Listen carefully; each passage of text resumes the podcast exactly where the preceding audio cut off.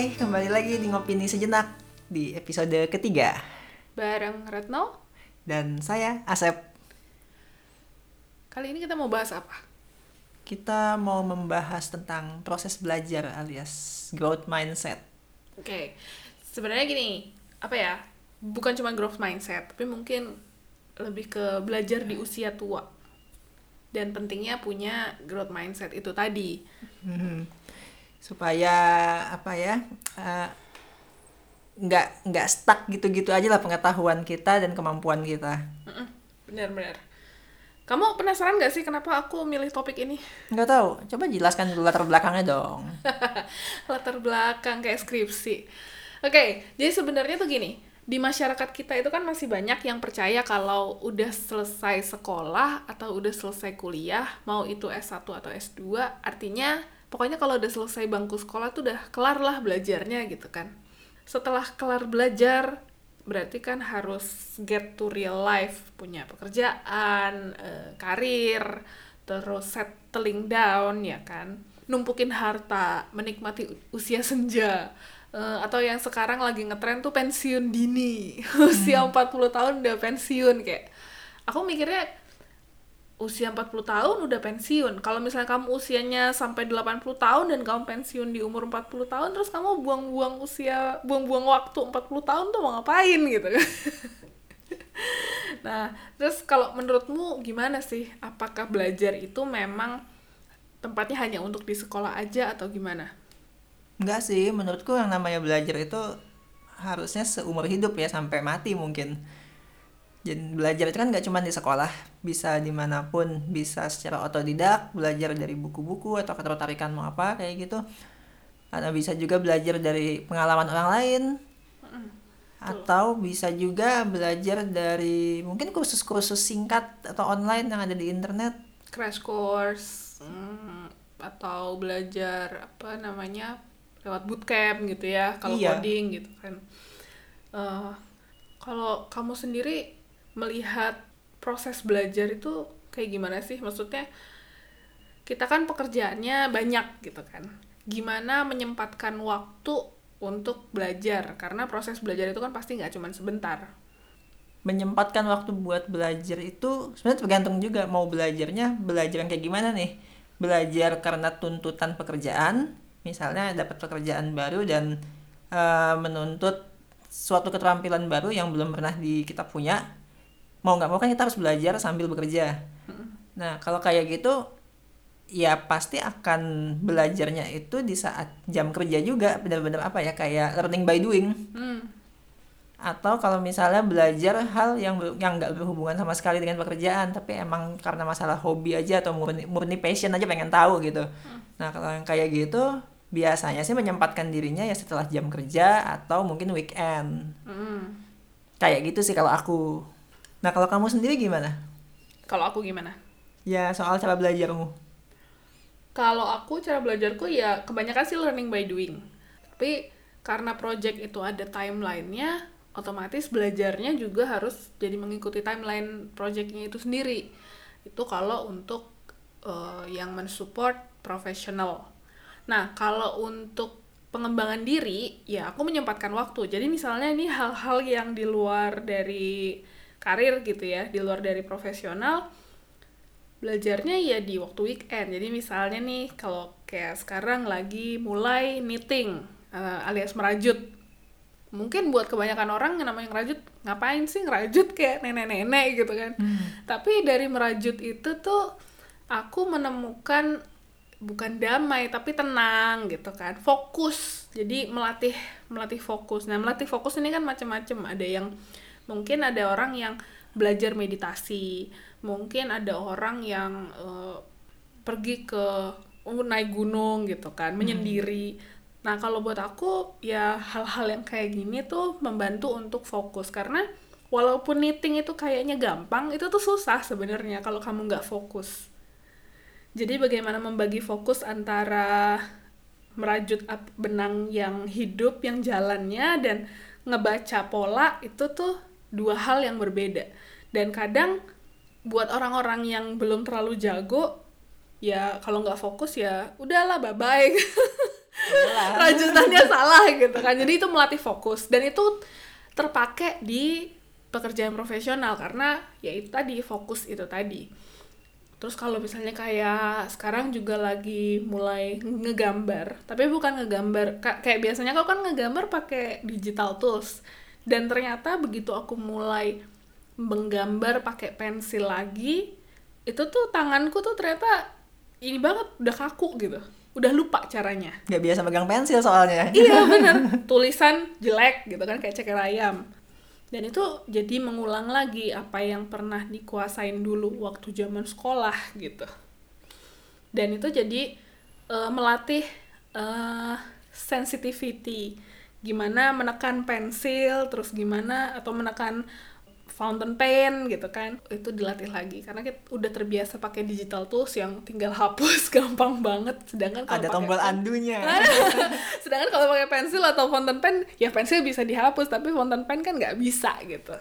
Itu itu juga melatih eh, fokus dan kehati-hatian dalam bekerja. Jadi sebenarnya aku ngebahas soal growth mindset itu sebenarnya karena banyak banget ternyata orang yang nggak punya growth mindset. Dan menurutku itu sayang gitu. Dan mungkin mereka nggak tahu istilah growth mindset, jadi aku pengen bahas. Ya betul. Dan apalagi tren pensiun dini, cita-cita pensiun dini. Sebenarnya aku nggak ada masalah sih dengan pensiun dini karena yang namanya pensiun itu kan buat setiap orang mungkin beda-beda ya artinya. Ada yang pensiun itu benar-benar pensiun nggak mau ngapa-ngapain ada juga yang mikir dengan pensiun itu adalah masih mau ngapa-ngapain tapi udah dalam kesejahteraan yang oke gitu jadi udah nggak mikirin lagi masalah mau besok mau makan apa Hmm, iya, iya, iya. pensiun dini kan beda-beda setiap orang Iya sih, bener sih. Iya, iya juga. Jadi sebenarnya itu nggak nyambung gitu ya dengan bahasan kali ini. Oke. eh, nah, kalau dari aku sih growth mindset sendiri itu sebenarnya term atau istilah yang dibuat sama Profesor Profesor Carol Dweck dan teman-temannya bahwa eh, growth mindset itu adalah keyakinan bahwa kapasitas dan bakat seseorang itu bisa ditingkatkan dari waktu ke waktu. Jadi kita tuh terus-terusan belajar kayak kata kamu, ya kita belajar sampai kita mati gitu kan. Ya. Sedangkan kebalikannya kalau fixed mindset itu artinya kalau kamu udah berhenti sekolah ya udah berhenti belajar. Dan ada batasan-batasannya gitu dalam belajar misalnya usia. Kalau misalnya usiamu udah 35 tahun terus kamu belajar lagi, ngapain sih udah tua gitu.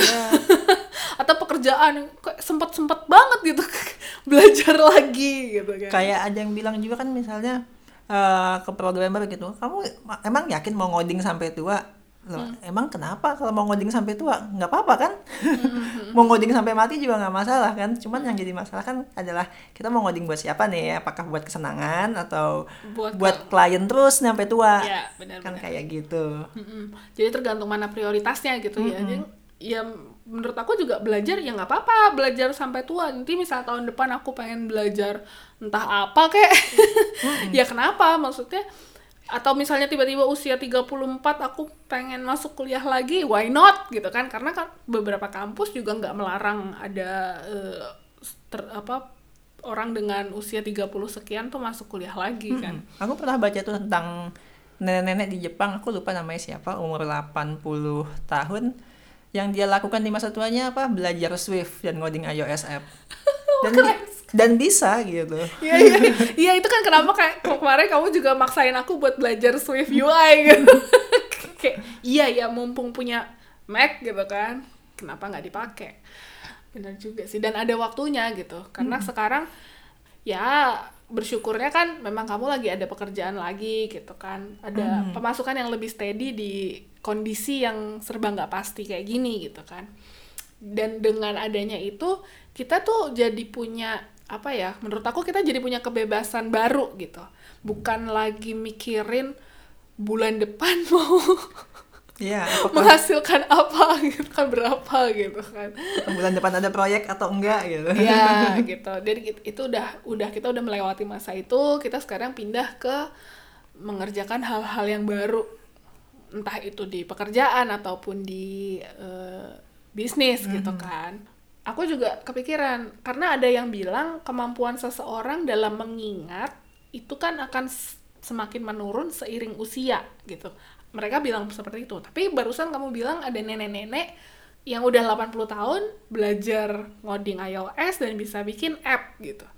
Mm-mm. Berarti kan sebenarnya nggak ada korelasinya ya antara ingatan dengan usia. Seharusnya nggak ada. Justru yang aku baca kalau kita nggak pernah belajar itu akan mudah pikun dan Alzheimer dan apalah namanya lagi yang berhubungan dengan otak di masa tua. Justru dengan semakin banyak dipakai, terus-terus dipakai, otak itu nggak nggak mengalami penurunan di masa malah tua. eh, malah makin panjang juga usia otak usia sel-sel otak gitu ya. Iya sih aku juga pernah belajar itu. Jadi selain dari apa yang kita makan tapi juga maksudnya apa yang kita makan itu kan kita makan secara harafiah ataupun secara eh, apa ya tidak harafiah. Maksudnya maksudnya kita membaca kita belajar itu kan juga memberi makan otak gitu kan. Mm-mm. Eh, dengan begitu sel-sel otak juga akan dapat segala macam yang baik-baik baik dari makanan yang kita makan di dari- ke mulut ataupun yang kita dapatkan dari belajar itu tadi Mm-mm. Aku pernah baca juga tuh soal Alzheimer kalau nggak salah. Cara sal- salah satu cara untuk menghindarinya adalah belajar bahasa asing. Hmm, Banyak belajar bahasa asing, ganti-ganti belajar bahasa asing itu meningkatkan kemampuan otak untuk Iya, iya. supaya tidak pikun di masa tua. Iya iya iya. Karena dengan belajar bahasa asing itu kan saling mengaitkan antara kata eh, dari bahasa yang sedang dipelajari dan bahasa yang sudah dikuasai gitu ya. Kayak aku sendiri aku juga belajar bahasa Swedia, aku belajar bahasa aku pernah belajar bahasa Jepang dan sekarang kayak mengulangi eh, komunikasi Jepang gitu kan. Teringat lagi gitu. Jadi aku ngerasa kayak apa yang udah pernah masuk ke otak tuh sebenarnya nggak bener-bener dilupain.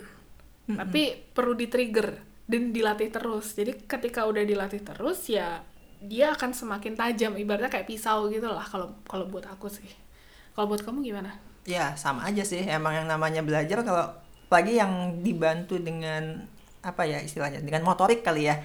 Yang ada hubungannya dengan tangan. Misal kayak bermain musik mungkin aku udah lama nggak main piano tapi kalau aku megang piano lagi aku masih ingat semua caranya. Tinggal tinggal ngelatih dan supaya mempercepat uh, latihan itu bisa kembali ke seperti dulu lagi skillnya. Aku setuju sih karena sebenarnya knitting itu aku juga kan dulu knitting tahun 2017 gitu kan.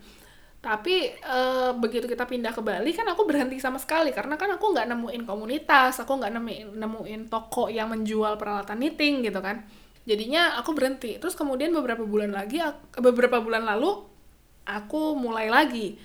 Nah ketika aku mulai lagi tuh aku jadi inget oh pola ini gerakannya kayak gini. Itu tuh jadi lebih cepat. Oke di awal tuh tangannya kaku ya namanya tangan gitu kan. Kaku tapi begitu udah mulai lagi ya cepet aja sih. Nggak nggak ini lagi. Jadi emang kayak muscle memory itu ada gitu. Begitu juga belajar bahasa sama juga sih. Karena kamu suka belajar hal-hal baru dan menurutmu belajar itu dilakukan setiap hari setiap saat dan sampai nanti mati gimana sih cara kamu belajar yang eh, bukan cuman learning by doing maksudnya step by stepnya gitu? Kalau aku sih biasanya dengan kalau kalau topiknya bisa dicari di Google dan banyak bertebaran, biasanya aku ya udah dari potongan-potongan artikel dikumpulin terus kayak apa ya menggali lubang kelinci gitulah. Jadi dari satu istilah ketemu istilah baru, googling lagi istilah baru, ada lagi googling lagi, terus dicatat terus sampai eh, akhirnya numpuk lah informasi itu, saling-saling nyambung. Nah, kalau misalnya itu hal yang sulit untuk dicari di Google atau terlalu tersebar, biasanya aku lebih milih cari di buku.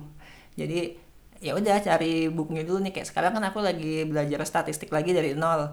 Daripada aku tersebar di banyak apa artikel, mending aku beli buku statistik aja dari nol, nanti baru dari situ cari use case-nya atau istilah-istilahnya lebih dalam di internet. Jadi apa ya lebih lebih terarah lah ininya pencariannya. jadi belajarnya dari buku itu hanya untuk hal-hal yang fundamental gitu ya.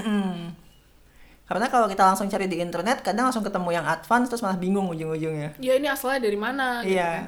Nah kalau kamu sendiri gimana? Oke, kalau aku sama sih secara garis besar. Aku lebih suka baca, misalnya pengen tahu tentang eh, berkebun yang spesifik di tropis misalnya. Ya nyarinya dari internet awalnya tapi kan begitu bingung gitu kan eh ini apa sih? Kok langsung tips dan trik dan segala macem gitu. Akhirnya aku beli buku gitu. Tapi buku-buku yang aku beli itu bener-bener yang fundamental. Dikenalkan dari akarnya tuh apa dulu nih? Apa namanya?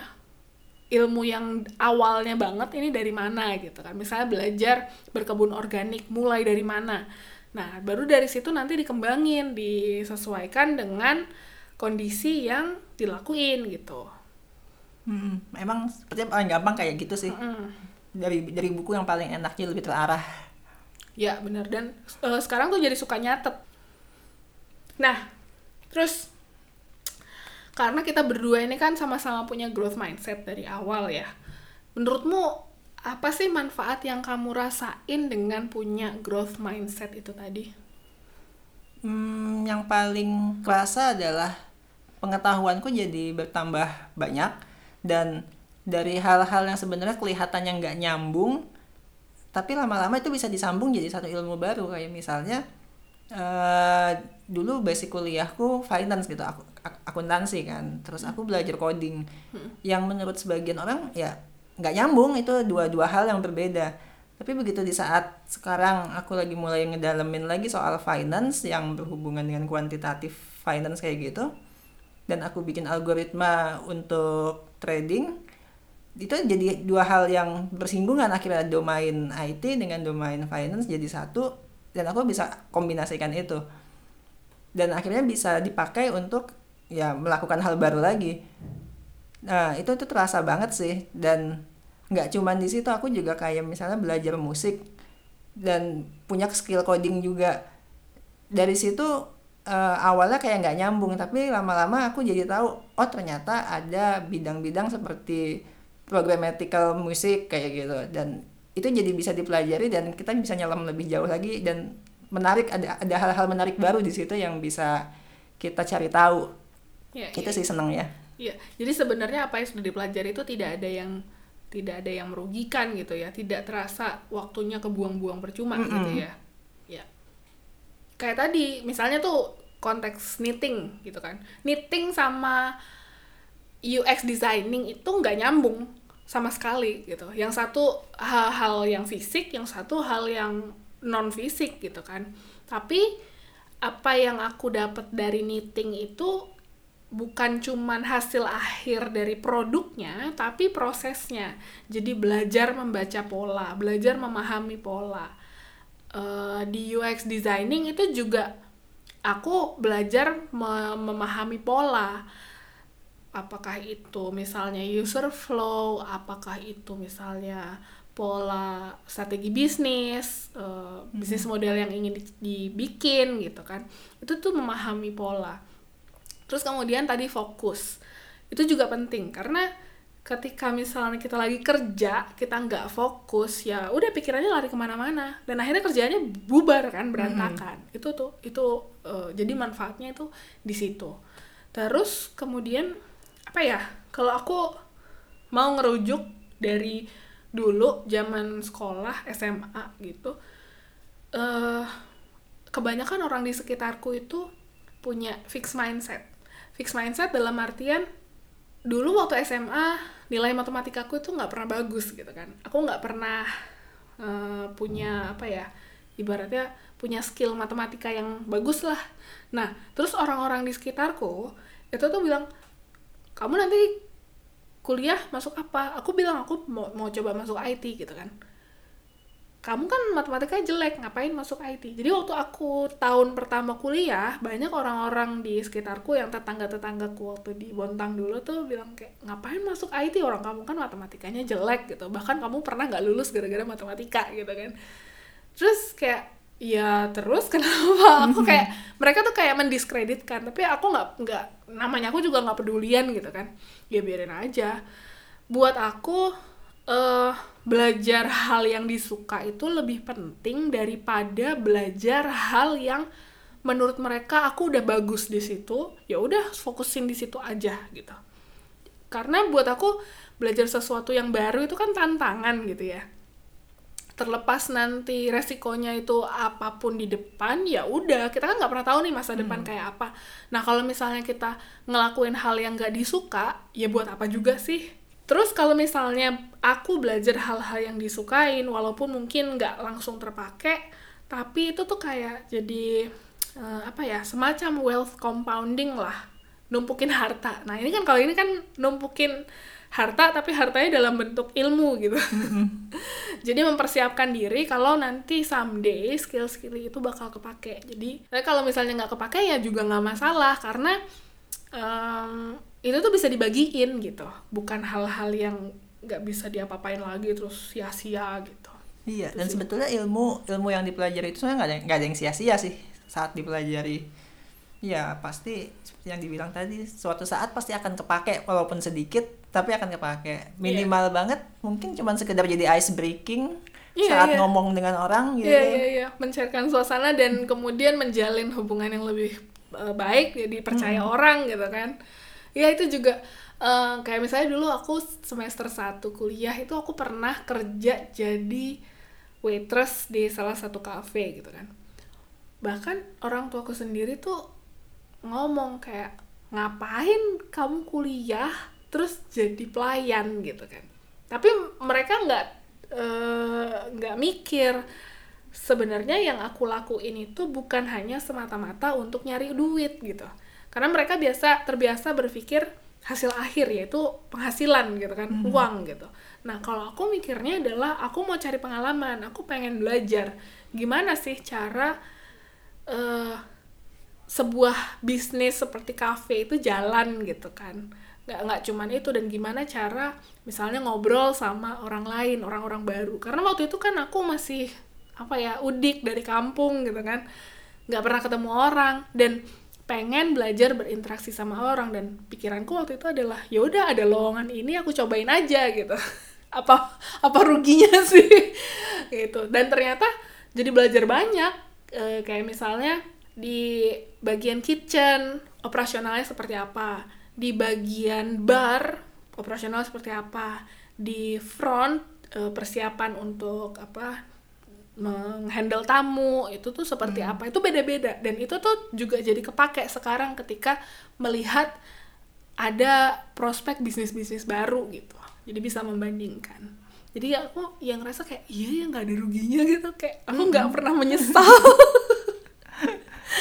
Bener sih bener banget. Kayak dulu aku juga ngeband zaman kuliah sampai IPK hancur gitu tapi jadi ada efek efek sampingnya adalah aku jadi nggak jadi pede untuk ngomong di depan umum. Dulu tuh aku ingat banget waktu manggung pertama kali tangan gemeteran terus eh, keringet dingin. Tapi lama-lama jadi pede dan bisa interaksi di panggung gitu. Iya, dan itu kepake sampai sekarang. Kalau aku dia suruh ngomong ke depan udah udah bodo amat udah hayu-hayu aja gitu. Aku sih sebenarnya pengen pengen supaya teman-teman yang ngedengerin ini tuh jadi belajar pentingnya growth mindset dan mengubah pola pikir yang tadinya fixed mindset ke growth mindset. Jadi kamu mungkin mau bantu aku ngejelasin perbedaan utama. Hmm, perbedaannya apa ya? Salah satunya tuh Nih, misalnya dari aspek eh, usaha yang dikeluarin. Misalnya usaha yang dikeluarin, em, waktu diberikan tugas di kantor nih, atau misalnya menghadapi masalah di bisnis, atau menghadapi masalah di pekerjaan. Itu kalau misalnya fixed mindset gimana, growth mindset gimana? kalau dari sisi usahanya saat dihadapkan pada tugas tuh apa ya? Kalau fixed mindset itu lebih lebih pengen ya udahlah ini kalau bisa dikeserahin ke orang lain, serahin aja deh biar mereka yang ngerjain. Nah, kalau growth mindset mungkin lebih ke oke aku akan coba ngerjain ini. Kayak gitu. Dan itu siapa tahu akan menjadikan apa ya? kayak pengalaman baru dan akhirnya jadi punya ilmu baru gitu. Hmm, hmm. jadi lebih menghargai proses ya kalau orang growth mindset. Sedangkan orang-orang fi- fixed mindset ini tuh lebih pengen cuci tangan gitu kan. Udah biar aja orang lain yang ngerjain. Nanti kalau misalnya mereka yang salah ya udah mere- mereka yang disalahin gitu, bukan aku gitu Iya. ya. Oke, nah kalau buat aku yang kedua itu ketika menghadapi tantangan, biasanya orang yang punya fixed mindset itu menghindar dari tantangan itu. Karena biasanya mereka takut salah, takut gagal. Nah, sedangkan kalau orang yang punya growth mindset, mereka biasanya senang dan ngerasa bersemangat kalau ketemu tantangan karena ya tahu akan ada rewardnya di akhir nanti, tapi yang paling terutama adalah ada sesuatu yang baru yang bisa dipelajari dan itu bisa jadi bekal di kehidupan ke depan gitu. Mm-mm. Terus ada lagi bedanya tuh kalau yang fixed mindset eh, apa ya? Dia tuh lebih kalau di kalau didapat feedback atau dapat kritikan itu tuh lebih defensif orangnya. Mm. Jadi kayak misalnya harusnya ini nggak kayak gitu deh. Mm. Dia akan akan berusaha mencari alasan enggak ah kan aku udah bener kayak gini ini tuh sebetulnya salahnya orang ini Ah, Nah, dan, kayak dan gitu. ini ya blaming orang lain gitu ya. Sedangkan kalau growth mindset mungkin akan mengakui, iya itu salahku gitu. Tapi di mana ya salahnya? Dan dari situ dia akan belajar buat eh, nyari kesalahan apa memperbaiki kesalahannya itu dengan belajar lagi hal yang baru gitu. Jadi akhirnya eh, ada proses ada proses di situ yang membuat dia dari yang tadinya salah jadi benar. Ini tuh juga aku jadi ingat di salah satu buku yang aku baca yang soal investing kemarin. Jadi ada yang disebut dengan uh, four circle of competence kalau nggak salah. Mm. Jadi yang pertama, jadi circle pertama itu unconscious incompetent. Kamu nggak sadar kalau kamu nggak kalau kamu nggak kompeten sama sekali di satu bidang. Oke. Eh, yang kedua itu adalah conscious incompetence tahap keduanya. Kamu sadar kalau kamu itu nggak nggak kompeten salah satu bidang. Jadi misal nih, aku sadar kalau aku bikin roket itu pasti gagal gitu. Iya, iya, iya, iya. Karena emang aku nggak punya kompetensi di situ. Iya. Tapi dari situ kan mungkin kalau aku niat mau belajar rocket science gitu terus belajar dan akhirnya aku akan menuju ke tahap berikutnya yang disebut dengan unconsciously competence. Ah. Jadi eh, aku nggak sadar kalau ternyata aku tuh kompeten kalau begitu udah belajar gitu. Oh ternyata bisa ya. Iya, iya, iya, iya, iya, iya. Nah baru nanti di tahap akhir itu ada yang namanya consciously competence. Ya kamu udah benar-benar sangat sadar kalau kamu kompeten banget di bidang itu. I see, I see, I see. Yang terakhir nih, itu kan tadi perbedaan umum dari eh, perbedaan utama dari fixed mindset dan growth mindset. Nah, kalau menurut kamu gimana sih cara untuk menumbuhkan growth mindset itu sendiri? Karena kan seperti namanya growth, artinya kan bertumbuh, selalu tumbuh kayak pohon, terus-terusan tumbuh sampai mati gitu kan. Nah, gimana sih caranya caranya numbuhin itu dan bikin itu subur? Hmm, salah satunya mungkin adalah eh, goal kali ya harus punya tujuan juga sih. Mungkin kayak kayak punya tujuan hidup gitulah mau mungkin tahun depan atau dua tahun lagi mau ngapain dan gimana cara achieve-nya mau nggak mau kan dari situ kita akan mau belajar jadinya. Dan dari situ juga kita akan mungkin akan ketemu yang tadi empat circle kompetensi tadi. Ngerasa untuk nyampe goals itu aku se- seberapa kompeten sih. Nah, akhirnya kan dari situ oh aku tuh nggak mam- nggak mampu di ilmu A, B atau C ya itu yang harus dipelajarin berarti untuk mencapai goal tersebut. Iya iya iya. Nah tapi ba- barusan juga aku jadi mikir ya omongan itu kan doa kalau kata orang-orang dulu gitu kan. Jadi kalau misalnya kita ngomong ke diri kita sendiri nggak bisa, ya sampai kapan pun nggak akan bisa. Iya itu akan tertanam di otak jadinya. Iya. Jadi otak tuh punya kayak eh, apa sih namanya? Ketika kita menanamkan satu benih negatif ya udah itu yang akan tumbuh di otak gitu nggak bisa ya nggak akan bisa terus atau misalnya ya mengasihani diri sendiri aku kan nggak kuliah jadi aku nggak bisa ngelakuin itu hal kayak gitu tuh Eh, yang eh, tidak akan membantu growth mindset itu untuk tumbuh jadi harus selalu memperhatikan ucapan dan apa yang dipikirin Hmm, penting banget sih itu. Eh, yang penting lagi itu adalah apa ya? Harus ini sih, harus punya, harus berada di ekosistem atau di lingkungan yang tepat menurutku. Jadi apakah lingkunganmu sendiri termasuk mendukung growth mindset itu sendiri? Misal nih, yang paling umum banget di Indonesia yang paling sering ketemu adalah bahasa Inggris. Saat kita lagi ngomong belajar bahasa Inggris, terus tahu-tahu ada temen yang bilang, "Alah sok nginggris." hmm ke Inggris Alah ke Inggris. Nah, kayak gitu. iya iya iya Itu kan mem- lingkungan itu mengecilkanmu untuk jadi belajar. Mm-mm, mm-mm. Terus ada lagi nih kayak di dunia programming, aku masih ingat zaman-zaman dulu awal-awal tuh misalnya kalau ada yang lagi belajar bahasa pemrograman baru gitu yang masih hot banget terus ada aja yang nyaut alah nggak ada duitnya pakai PHP aja dong yang penting ada duitnya. Nah seperti itu. Padahal kan kalau kita belajar dan kita ngegali satu bahasa baru bisa jadi itu malah gajinya lebih tinggi dibanding cuman belajar PHP aja dan nggak stuck aja gitu Iya iya gitu. iya benar-benar. Ketika kita pengen naik kelas kan berarti kita harus bisa menantang diri sendiri untuk uh, mencoba hal baru gitu ya. Hmm. kayak main game kan kalau mau naik level harus ngelawan bosnya dulu dong Nah, iya benar sekali. Nah, terus juga menurut aku kalau soal yang lingkungan tadi juga eh, termasuk pola pikir untuk tidak mencari validasi ke orang lain. Jadi ya udahlah, kamu nggak usah dengerin orang lain. Even orang tua sendiri ya kadang-kadang nih ya. Kadang-kadang juga ada kan orang-orang tua yang toxic yang apa namanya ngerasa kayak ngapain sih kayak gitu? Mending juga kerja gitu kan cari duit. Kan ada yang kayak gitu ya. Iya betul. Mm-mm. Dan uh, buat aku mencari validasi ke orang lain ini tuh uh, ada kalanya tuh salah. Dan karena biasanya kita tuh lebih ingin diterima oleh mereka, jadi kita mencari persetujuan mereka gitu.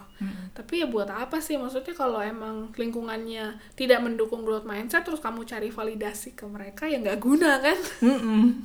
akhirnya kan akan dikecilkan lagi oleh mereka gitu kan eh sama belajar dari kesalahan orang lain nah ini juga penting nih jadi banyak banyak banyak banyak baca banyak banyak dengar eh, banyak memasukkan informasi termasuk dengerin cerita orang yang udah punya pengalaman gitu Eh, jangan cuman nanya suksesnya mereka itu dari mana tapi juga tanya apa yang hal apa yang mereka nggak mau terulang lagi gitu kan hal apa kesalahan apa yang benar-benar mereka hindarin gitu yang kita bisa pelajarin. Itu tuh penting sih menurut aku. Jadi kayak aku kalau ngelihat orang-orang yang sukses ngebangun startup aku sih sekarang mikirnya mereka gagalnya berapa kali nih? Suksesnya sekali tapi kan gagalnya pasti banyak banget nih. Nah justru aku lebih pengen belajar gagalnya. Sama satu lagi sih tetap realistis. Hmm, nah misalnya? realistis ini dalam hal bukan bukan berarti kamu jadi harus belajar hal yang kecil apa mengecilkan keinginanmu gitu tapi lebih realistis ke arah goal. Misalnya bolehlah kamu bermimpi mau ke bulan atau ke Mars gitu. Tapi untuk mencapai mimpi yang itu tetap realistis belajarnya sedikit-sedikit selangkah demi selangkah dan ada progres yang bisa diukur gitu. Ya. Karena kalau misalnya nggak ada progres yang terukur malah jadi apa ya lama-lama kan jadi males buat belajar. Ini kok nggak susah ya nyampe ke sana gitu. Ya ya ya ya, ya benar benar benar. Jadi tetap realistisnya itu adalah dengan ya itu seperti yang tadi aku bilang kompetensinya juga dinaikin pelan-pelan bertahap aja. Mhm. Oke, itu sih teman-teman bahasan kita kali ini soal kenapa sih harus belajar terus-menerus eh, walaupun usia kita udah ya tanda kutip tua gitu.